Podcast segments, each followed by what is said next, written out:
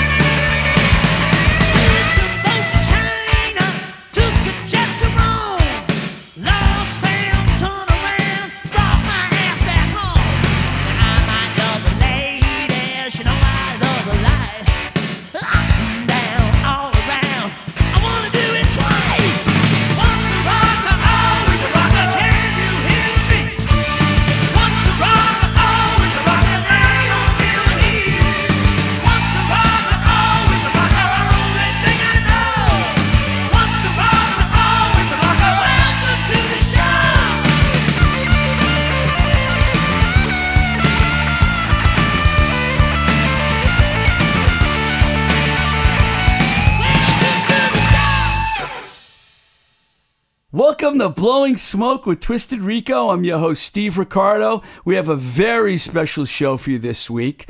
Today, we're recording for the first time at New Alliance East with engineer Nick Z, who has actually been attached to the show in many ways already, as he co produced our theme song, So Pretty, by The Charms, way back in 2004, with another all time favorite dude of mine, Crack Torch bandmate Mark Schleicher and that was at the old New Alliance building in the Fenway at 1312 Boylston Street. So it's cool to have Nick here with us. The track you just heard to start the show off was Once a Rocker, Always a Rocker from the legendary Joe Perry Project album of the same name, which can only mean that we're thrilled to invite back to the show the lead vocalist of the Joe Perry Project, Mr. Cowboy Mark Bell. Great to see you again, Mark. Thanks for coming back. Hey, it's great to be here. Wow, a new alliance. Look at all this gear.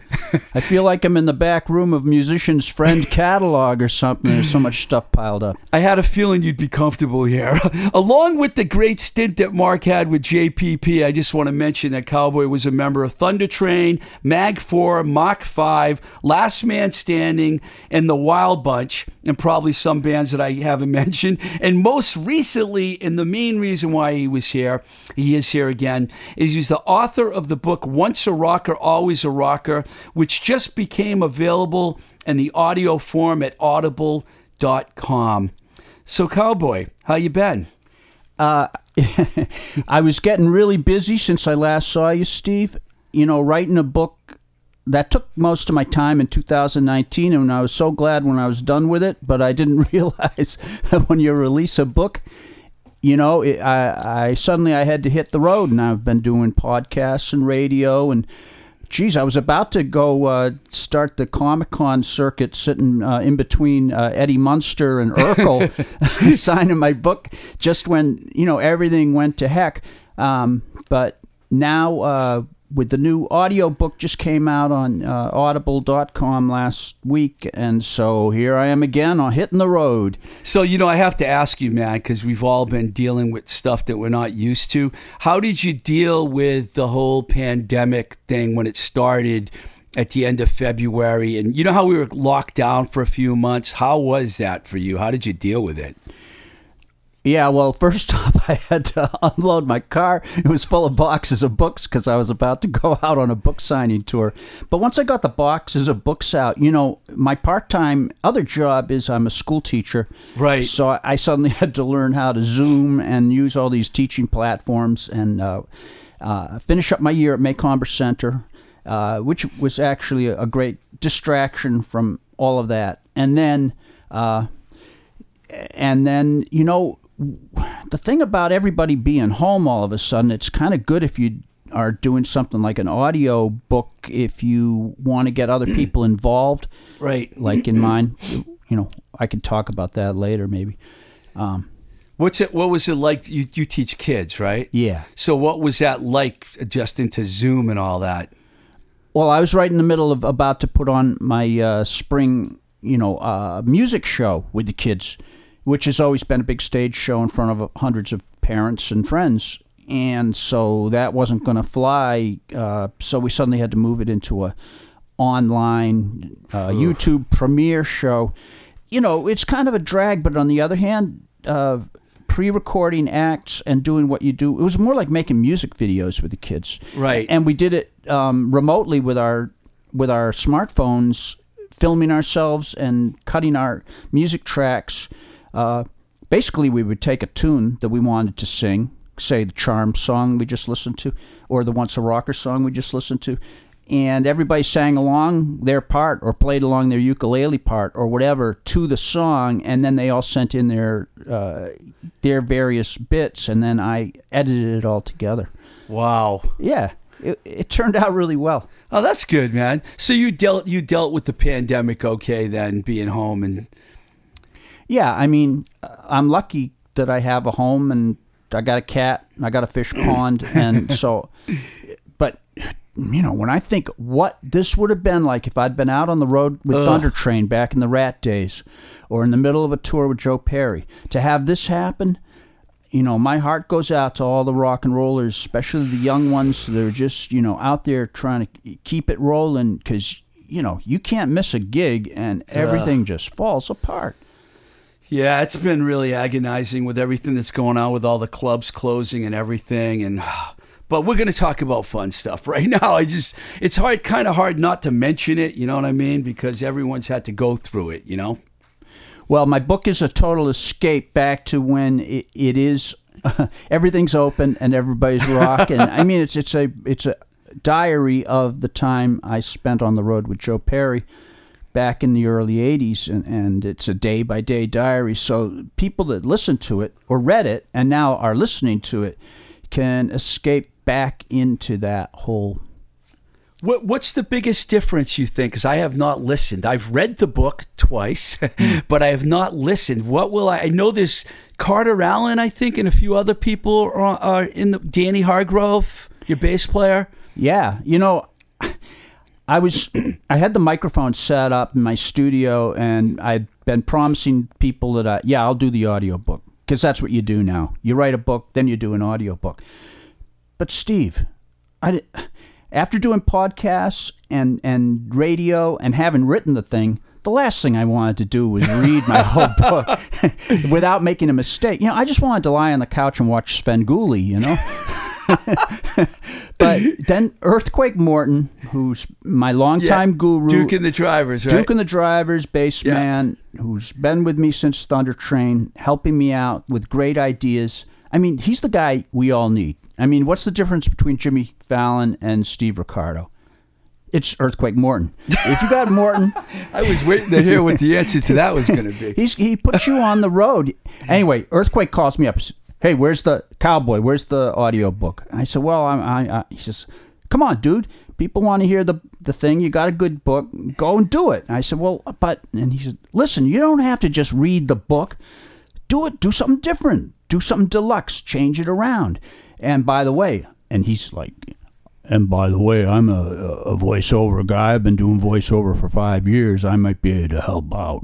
So what happened was I ended up, um, you know, keeping the whole diary, but I rewrote sections into. It's all a diary, so it's all like first person Right. writing my diary, right? I was going to ask you if you added some things to it. Well, I rewrote chunks where I have him do setups. Right. You know, you know, they're driving in the van through the desert, and then they see the lights of Las Vegas lighting up down the way, and then the cowboy says, and then I come in with the action. awesome. I can't wait to hear it. So yeah, so it's kind of like it, it's kind of cinematic in the way it is when you're listening to it. Um, it- uh, and the other thing, as I was mowing the lawn and messing around with it with Earthy, I said, I thought, gee, wouldn't it be cool to get Charlie Farren, who was the singer Charlie. of of the Joe Perry project before I I got invited to join?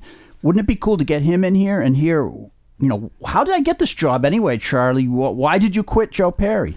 And uh, and Danny Hargrove, my bass player, who was on the road with me next to me in the van for Your all buddy. those years, and uh, and Carter Allen, who was a BCN DJ back then, and you know he's still on the radio every day on, on the classic rock station.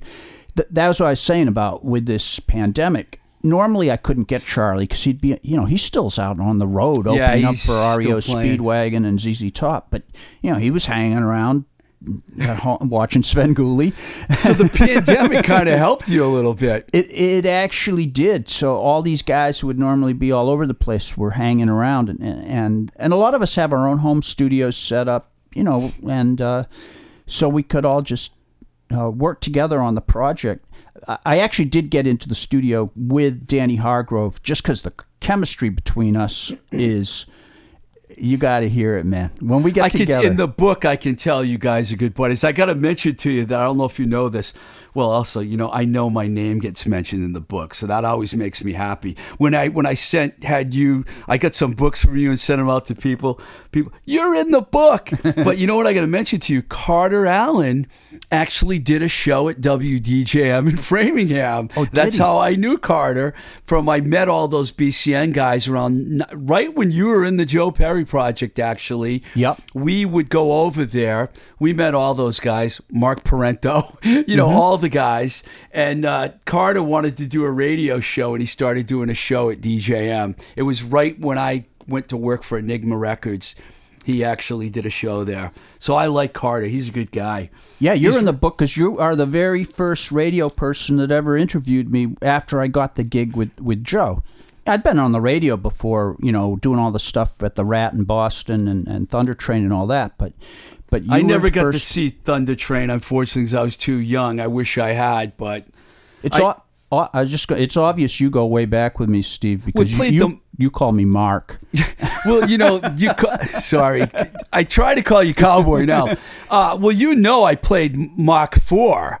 That was, I mean, Mag Four. I played Mag Four on my radio show. That's the reason I believe that we actually started talking to each other. Okay, because I had that yeah. single, right? There was a Mag 4 single. Okay, yeah. Um, I I picked a few topics out of the book that I wanted to talk to you about because I thought these were great. There's one section in the book where you talk about you go out to, I believe it's Mendon, you go to a club, you're going to see the Joneses play, which was the D'Angelo Brothers band. Jimmy was a very good friend of mine. I just talked to Joey recently. And um, you go to the show and you talk about you're sitting out in the crowd, and all of a sudden this guy comes walking down the aisle. Tell tell me that story. Tell us that story because that is so great. Well, yeah, I mean, I grew up in Holliston, which is in Middlesex County outside of Boston. Uh, there's this little, really rinky-dink music sto- store was in Holliston, and I was hanging out there, Music and Things it was called, and on the back door I see a poster, a really lousy poster, written like in crayon, and it says, uh, "This Monday at the, at Lakeview Ballroom, the Joneses," and I'm like, "Oh yeah, the Joneses," and Aerosmith. And I'm like, and what? and the the poster looked poor, but I and then it said two dollars. I did have two, dollars. So uh, I was excited to see the Joneses. So my sister and I and some of Kathy's friends, we all went down Route 16 to Mendon, uh, which now is famous for its drive-ins that still is there, but back then was also famous for Lakeview Ballroom, where you could see, you know, bands like the Young Rascals and the Yardbirds had played there over the years. Anyway, the Joneses, I could see their gear set up in the back, but there's this whole lineup of all kinds of old beat up gear all stacked up in a mishmash in front of it, and I'm and I'm wondering, I'm thinking, geez, I should my band, Joe Flash, should have had this gig. Whoever this Aerosmith hippie band is, and then. And you know we're all sitting at these long tables. This is a not a alcoholic club. This is a teen center. Basically, they have soft drinks. We're sitting there waiting for uh, something to happen, and I see this person walking up the aisle in like short shorts and a t-shirt, and I don't know. He looks kind of like something out. Dude looks like a lady, maybe. and he has these big rubbery lips on the front of his face. And i'm thinking i've never seen a guy like this. Anyway and but he he scoots right up the, the middle aisle and then disappears into the stage side door. I'm thinking what is going on with that? Anyway a half hour later, after a lot of banging of ashtrays and yelling, like people were really expecting something, which I wasn't, but somebody was on to that this was something that I should know about, I guess. And then it all started to happen. You know, this drummer comes out laying down a funky beat. A bass player, a tall blonde guy, comes out. Uh, the a second guitarist walks out. This is before Brad Whitford had joined Aerosmith. Uh, Ray Tabano right. Looking kind of like Tonto. He had a, a, a, a choker around his neck, kind of like hippie hair. He looked more like a hippie than anybody else. But man, then the lead guitarist came on. He did not look like a hippie. He had this whole, I don't know, cross between Jeff Beck and Jimmy Page and Keith Richards just comes out. And he is laying down the law on a Les Paul. And then that funny looking cat that I'd seen. now, now he's got clothes on but he still has the lips on his face. he comes out whacking a cowbell, and just the whole place started shaking, and it just built from there. Now they were doing uh, covers of Rolling Stones and Faces tunes and and uh, Peter Green Fleetwood Mac stuff, but then they dropped this original song called Somebody, followed by an original called Mama Kin, and holy smokes it was one of the most exciting shows I'd ever seen. And I had seen Jimi Hendrix Experience and I had seen Led Zeppelin at that point. But this young Aerosmith band totally blew my socks off. And the thing that really got me was they weren't that much older than me, and I had a feeling they were local guys. And They were. you know, they weren't like Jimi Hendrix from you know Pluto. These were guys from around the area. You know, it turned out, Steve, that I had seen Steven Tyler years earlier in my own town hall, uh, Holliston Town Hall used to book bands, and a band they booked a band from New York called Chain Reaction, and the drummer was Steven Tyler. Wow. Now those guys played covers and did great harmonies. I, you know what? I never put this together all, through all my time singing with uh, Joe Perry's band and and meeting Steven, it wasn't until the Pandora's Box set came out years after I had left the project, and they had a couple of Chain Reaction or a Chain Reaction song on I remember and- that. Yep. and now you know with with the internet and everything, you can go back and you can put these things together. I said, "Oh my God, I saw this guy when he was a teenager in my own hometown." But anyway, so I go back pretty far with with Aerosmith. Um, I love that story. that's that was seventy one. that was before I had, you know, that was when I was still a guitarist. But after seeing all that, you know, I started flirting with. Wow, I I wouldn't mind doing what that Steven guy was Interesting. you know, moving into that spot because that was a spot that you know, there weren't there weren't singers everywhere. There, were, I knew a- I knew drummers, I knew a ton of guitar players, and most of them were better than me, and there were bass players you could dig up. But lead singers, everybody was looking for a lead singer to hitch their wagon to. And I was no great singer. I mean, I wouldn't make it, you know, on these days with these uh, uh, talent, you know, uh, X Factor or whatever they call Voice of America. I can't. I don't watch any of those shows. those things. I don't watch them because I would not fit into that at all. You know, I, I grew up watching David Johansen and and uh, and uh, Mick Jagger. I don't think they would have done well uh, on those shows either. Probably not. Okay, another another thing I got to hit you with because I the first time I read the book, I kind of read this part and I kind of went over it, but when I went back to it and I read it, I was thinking, this is really cool. You met and hung out with Bo Diddley. oh yeah, It was you and Joe, right? yeah. And had an incredible uh, experience. It was in Minneapolis. We were on a uh, doing. You know, we we toured back and forth in a van. We were not in a big motor coach. Forget airplanes. We toured America back and forth, up and down in this little van. And anyway, we get to Minneapolis and we're going to play not Prince's, you know, the Prince was hot. This is 1982, 83. And he had that uh, First Avenue. That that's yeah. that's where you know bands cool like Prince and Morris Day and and probably a certain kind of upcoming band would be playing there. Across town was this place called Cabooze, and that's where you know your Joe Perry, Rick Derringer, Johnny Winter, uh, you know, guitar, you know, old time rock and roll show. And who's mm, what better old time rock and show than Bo Diddley. Bo Diddley? And Diddley was in town. It was we had just got in. It was the night before, so you know, Joe and I said we got to get over there and check this out. Who gets to see Bo Diddley? So, um, and I don't know, remember how it w- worked out. It's kind of magical when you're hanging out with Joe Perry.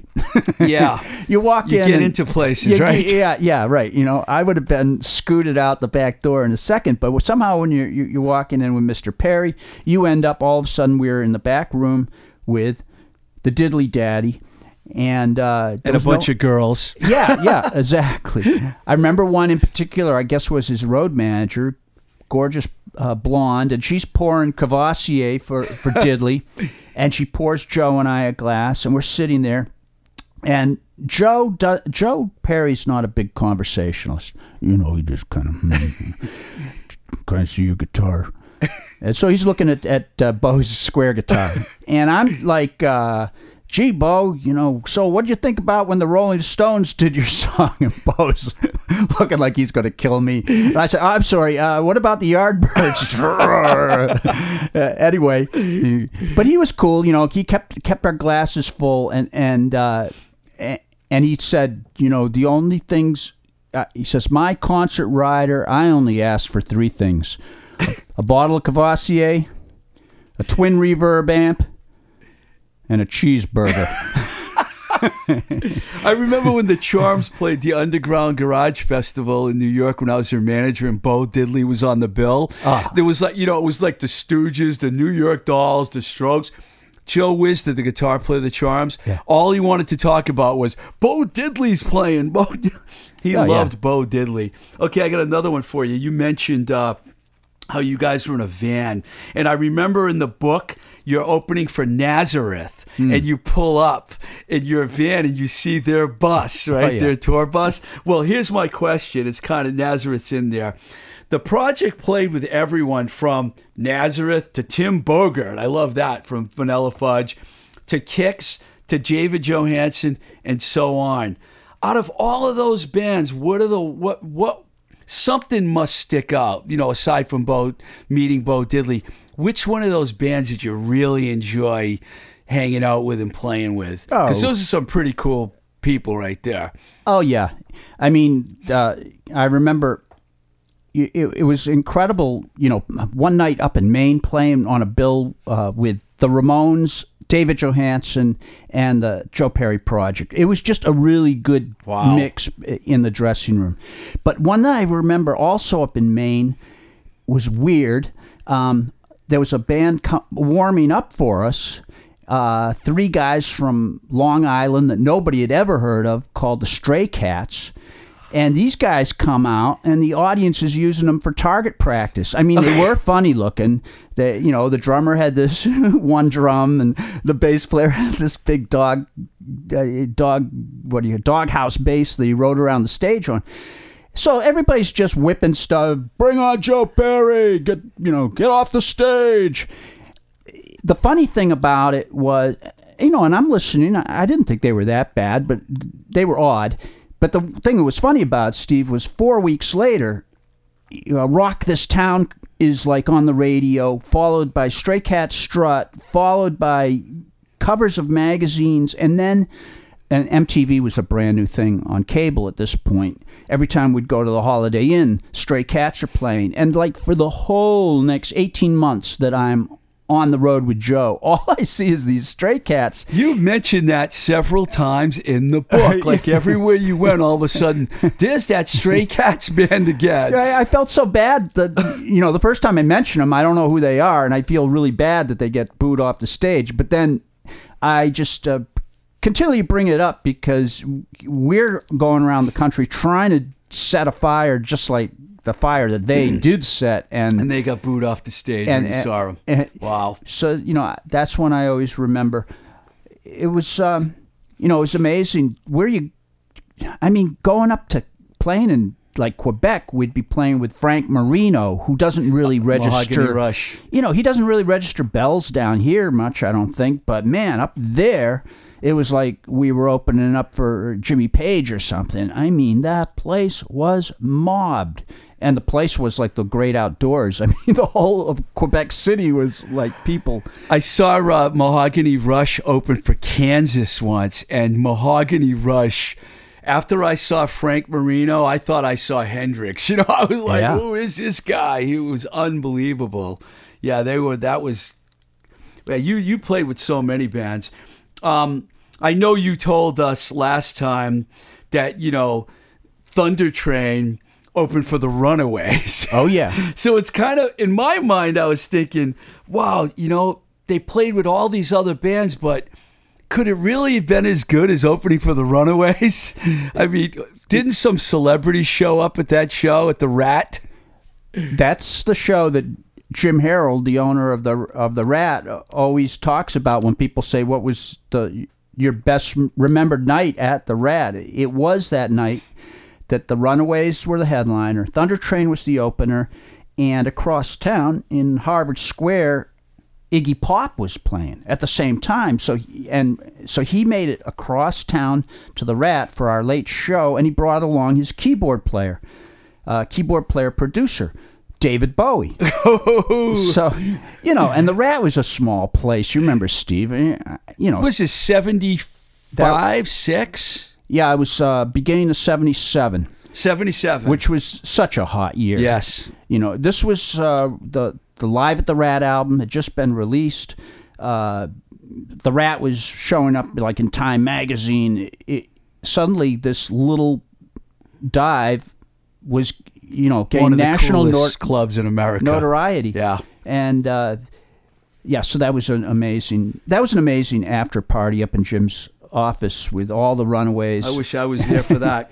um, the other thing I wanted to bring up from the book was got to ask about this because it was the last show, I believe, the last local show, because the last show the Joe Perry Project did was in New Haven, I believe. But this show at Sal- at Salisbury Beach, Oh. that w- tell us what happened that night, because that's incredible. Yeah, the the band. You know, I don't want to give away my book, my diary, but it is a tragic story. It's a story of, of poor Cowboy Mach Bell. Uh, you know, I I get this opportunity to be in this band, Joe Perry Project, and then I find out that I thought we, you know, bring on the Learjets and the models. And then it was like the dirty van and joe was in really bad shape when i started with the band he, you know he was having a hard time keeping on his feet it was a really rough road but then as we went along joe got a lot stronger. We got a record deal because when i joined we'd also lost the record deal lost the big manager.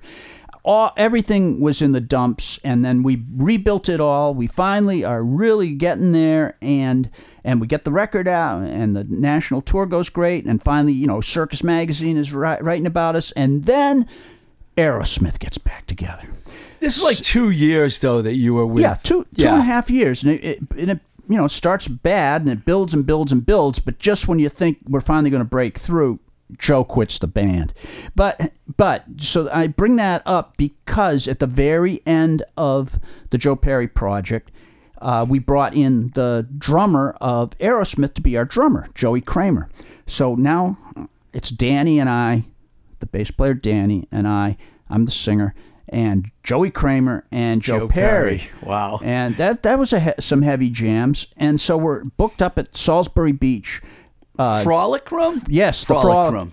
The Frolics was a you know Good one club. of those old big ballrooms Yep. on the shore. You know, I'm sure Count Basie had played there, and probably Frank Sinatra back in the in the day.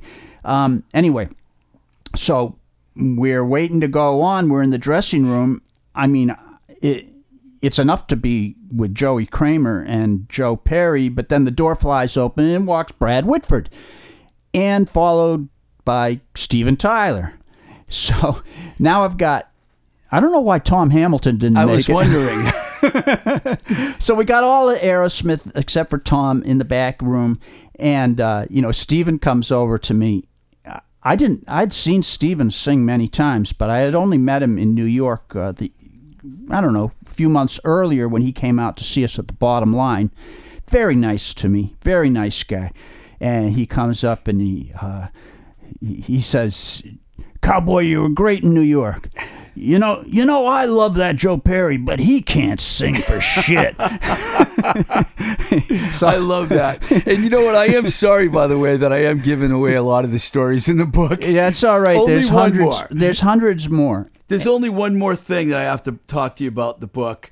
Um, it really made me cry at the end, the the end of the book. I, I don't know if you intended to. You think you were crying? cry. You should have seen me. But when you when Joe said to you, "Don't worry, we'll play together again," right? I remember that's pretty much how the book ended. Did you ever again? I know you played with Danny, but did you ever play with Joe or Ronnie Stewart ever again after that, or no? Right? That's a good question, Steve. well, that's part of the other thing when I did the the audio book. I said, as long as I'm bringing in Charlie Farren and Danny tell their story, and Earthquake set up the stories, why not write a new last chapter? Because people always ask me like that question, and all kinds of other questions after they read the book. They want to know a little bit about this or that. So I said, Oh, you're gonna make me wait until I get the Audible book now to like hear what happened. Okay, fine, cowboy, fine. I'm not gonna I'm not gonna do do that to you, but I but I you know I like to leave something. Uh, but The yeah, project did get back together, but they didn't have any of the singers. Eh, Someone else sang, right? For a couple shows they played. yeah, Joe's Joe gets together uh, to do every time he does. Whoops, sorry. It's Joe Perry. It's Joe Perry. Cowboy. two. uh, what's this about a reunion? Yeah, I've been working on that. The channel's going to rebuild, reopen, and we need to do a reunion gig. Yeah, you know, every time he puts out a a solo album, he doesn't really do project albums anymore, but he does solo albums. And uh, Charlie Farren told me they called the Joe Perry Group. Although I think they went out and opened for Bad Company on a European tour as the project. But anyway, the Joe Perry Group gets back together. Yeah, and they get Charlie to sing. Oh, it was or- Charlie, or- okay. Well, he sang, and then they have uh, uh, the singer from uh, Extreme, uh, G- Gary, Cherone. Gary Cherone, and then they got like these heavyweights like Terry Reid. I don't know if you remember him, man, from the '60s, killer vocalist, the guy that was going to be the lead singer of Led Zeppelin, Wow. But wasn't available. Um, he had them, uh, him, and some other cats, like big heavy duty guys, to sing like when they played the Roxy and and, and first. Did they do anything from Once a Rocker? nah, No. nah. Eh, Cowboy Mach Bell's the only guy that can sing that stuff. Oh, you're funny. All right, I, I, I'm I'm gonna okay. We're gonna get lighter now because I have some really fun things that I want to talk to you about right now. Okay, I wouldn't say this is a multiple choice question, but it would require a yes or no. Okay, everyone knows about the rat. You know, you, you you still talk about the rat on your Facebook page. You put all photo. You put some great photos up with Mono Man and and. Uh, JJ Rassler and all these guys that used to have, you know, the real kids and all those bands, uh, DMZ. That was a great time. So here, here we go. You can answer these yes or no. At the Rat, did you ever use the bathroom? yes, I did. Uh, you know, Anyone that knows what I'm talking about is laughing right now because it was the most disgusting bathroom except for CBGB. Probably. I don't know if I used it for urination, but I did go. Things happen in the bathroom. Oh, no, Not okay. sure if it was the men's room either. Oh well, number two, you're probably gonna like be able to answer. Eh, Did you ever have sex at the Rat? You know, maybe up in up one of those upstairs offices. You know, Jim Harold or Julie Farman, or whoever had the upstairs. Magic Eight Ball says, no, okay. Number three, I don't need a yes or a no.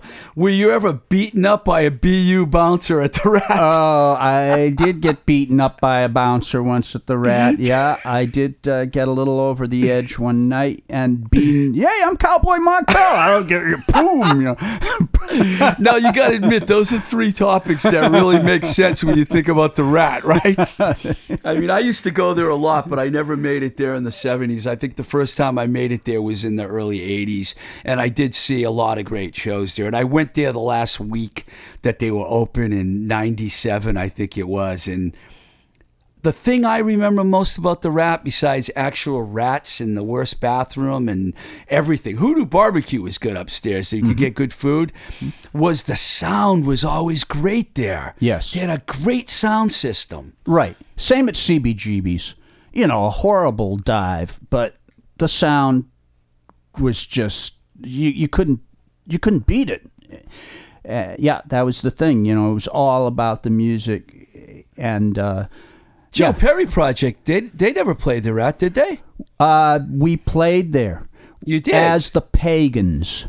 Um, Oh. yeah. We played there. It was the last. It was kind of what it was. Was it was the night before we began cutting the Once a Rocker album. was that in the book?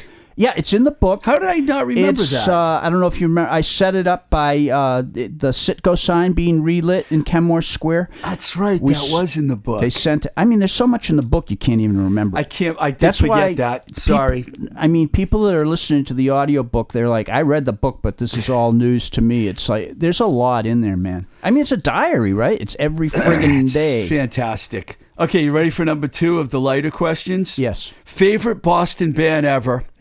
This is a multiple choice. A. Aerosmith. B. The J. Geils Band. Or C. Duke and the Drivers. Oh, wow. I love Geils. You know, I've never seen Geils live. Come on, It's- really? I can't believe it because I used to open up for everybody at the at the Boston Tea Party. Um, the thing with Duke and the drivers, the drivers, man, you went out. It was the biggest party anytime they played. Girls on I used to like to dance. I know rock and roll musicians aren't supposed to do that. I used to like to dance, and man, the chicks that the drivers would pull, I'd be out there. That was the best, man. The drivers, I knew all their tunes. They'd I, they'd be playing Paul's Mall and bring me up on stage, and I'd sing "What You Got." Sure looks good to me.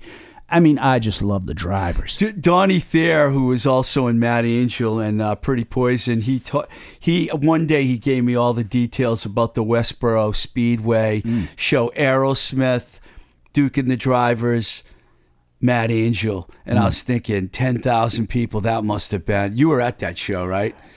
I wasn't. I was. That was when it was right when Thundertrain was getting together in Boston. But I, uh, the Provo brothers' bro- younger brother was there, so we got the full report. Everybody, everybody except me was there.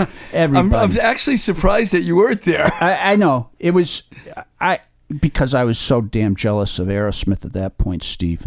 I couldn't stand how much that you know people were just loving them, and, and I saw them as competition, which is ridiculous because they were huge and I was nobody. But yeah, anyway, yeah, that was an incredible show from all reports. I got two more wacky questions for you. Favorite lead singer? This is a multiple choice. Ooh. Rod Stewart, hmm. Steven Tyler, Freddie Mercury, Cherie Currie. Oh man, that's good stuff, dude. The, when I was 15, I went to see the Jeff Beck group with Rod Stewart, 19 years old. Rod just killed it, man. Back then, and that very first uh, solo album of his, the Rod Stewart album with Street Fighting Man and, and Glad Rags to Hand Rags, whatever it was called. Handbags and glad bags. Yeah, thanks. He, Rod and I was there for every early Small Faces and Faces gig when he joined. Wow, really? Yeah, I was I was a huge Rod Stewart guy. You know, I know it's weird for anybody that came on the scene, you know, a little bit later when he was with Britt Ekland and doing the "Do You Think I'm Sexy" and all that. You know, they don't understand how cool he was as a kid. Um, man, and his autobiography is one of the best too. From 1970 to 73, he had six records come out three with the Faces and three solo. And it was almost the same band, except Hmm. they had a different drummer. They had um, Mickey Waller, is that his Mickey name? Waller loved Mickey. Yeah, and you Ah. know the other band, the Faces had Kenny Jones, Right. But Ronnie Wood was in both bands. Yeah, he was in both. Yeah, Mick Waller, man, he had that sound like he sounded like his drums were falling down a set of stairs in the back of the rat. It was just this this cacophony that would come out of them, but it would all make sense at the end of the night. I loved the Mick Waller. I had a feeling you were a Rod Stewart fan. I know what you're saying about how his career went all like show. yeah, he went Hollywood. Yeah, but in those early, even the Jeff Beck man, Morning Dew and that stuff. Oh my God, uncomparable. I mean, he was. But you know what? He did what he had to do. But he's a cool guy. I watched some interviews with him, and he's the, he he addressed every rumor about his life. You know, mm-hmm. he wasn't afraid of anything. Okay, I got one more question for. you. I know these are kind of weird, but I was trying to have a little fun with you. They're fun. Favorite Boston sports team: Red Sox, Bruins, Patriots, Celtics, or the Framingham State girls volleyball team. Oh, that volleyball team. Uh, they, I went to Framingham State. You know that, so I had to throw that in. I know you're from Holliston. Holliston, right? Yeah, yeah. Nah, I go back to Tony Conigliaro, the Boston Red Tony Sox. C. That's my, you know, I'm I'm totally uh, Big Yaz and uh, uh, Big Papi and uh, yeah, I'm I'm down. You're a Red Sox. Sox fan. Yeah, yeah, Red Sox. Cool. Because I like to sleep. I, I throw on a, a game, and by the second inning, I'm having a nice snooze. Wake up, you know, if if uh, Rafael Devers gets a home run or something. Oh, you're a real baseball fan. I see. You Well, even I know mean, the so- names of the guys I mean, on the so- team. The Sox, I, I try to stay stay. J.D. Mart Martinez and all that. Keep Just my for- Martinez's from my Martinez's, and you know they change. Just for the record, I'm not sure that Framingham State even has a girls volleyball team or whether they had one. I was all then. set to Oh. look it up on the Google over here. All right, so before I let you go, I just have to ask you. I mean, what? I mean, what do you? I know you got to promote your book, but is there anything else that you- besides teaching and the and the book? I mean, what's going on? Are you doing any music at all or anything? Your fans probably would like to know about that. Yeah, nobody ever's excited when I say I play all the time with teenagers because that's mostly what I do. I, I play with kids. Kind of like the School of Rock. You know, yeah. I I love it. I love to play uh, with a bunch of kids, and it's great until I look in the mirror and I say, "Who let Joe Biden in?" You know, but but um, but yeah, let me just promote oncearocker.com. Oncearocker.com is the Mach Bell, uh, you know, my warehouse of everything about the book and what I'm up to. And where there'll be, you know, I'll have a link to my Blow and Smoke with uh, Twisted Rico, this show, and last time I was here. And audible.com is where the new book is.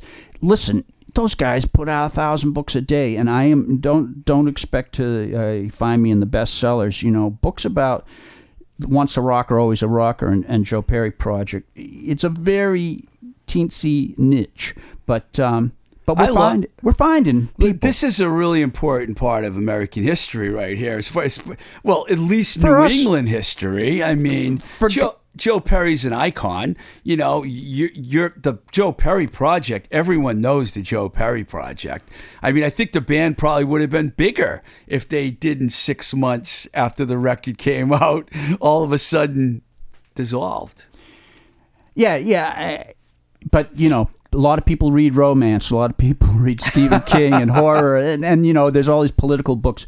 I- I'm just saying, audible.com, look for uh, Once a Rocker, Always a Rocker. If you're a member of Audible, you, you can get it for free with your credit or join up.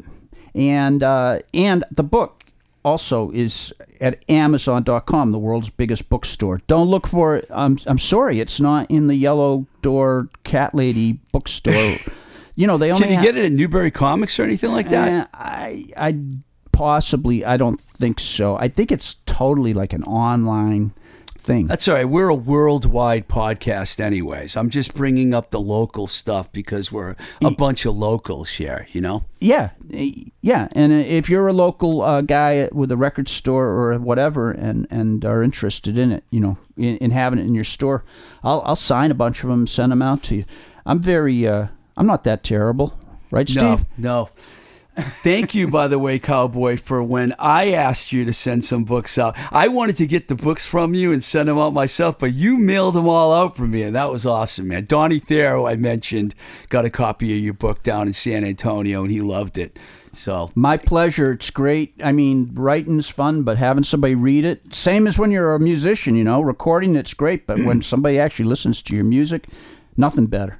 Well, thank you. And you know you're welcome anytime you want to come back on the show. So Thank you. It's getting a lot better every time I come back. thank here. you. It'll be even better next time. Who knows?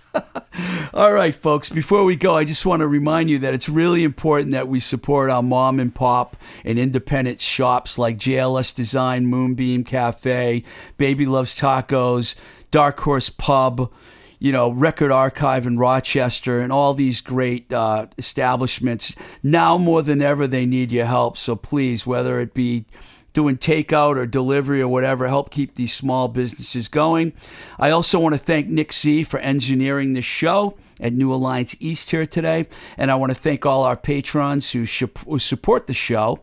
Um, on patreon.com forward slash twisted rico. Uh, please contact me at twistedrico at gmail or follow the instagram page at twisted rico or the twitter page at blowing smoke bs there's also a blowing smoke with twisted rico facebook page if that's your deal.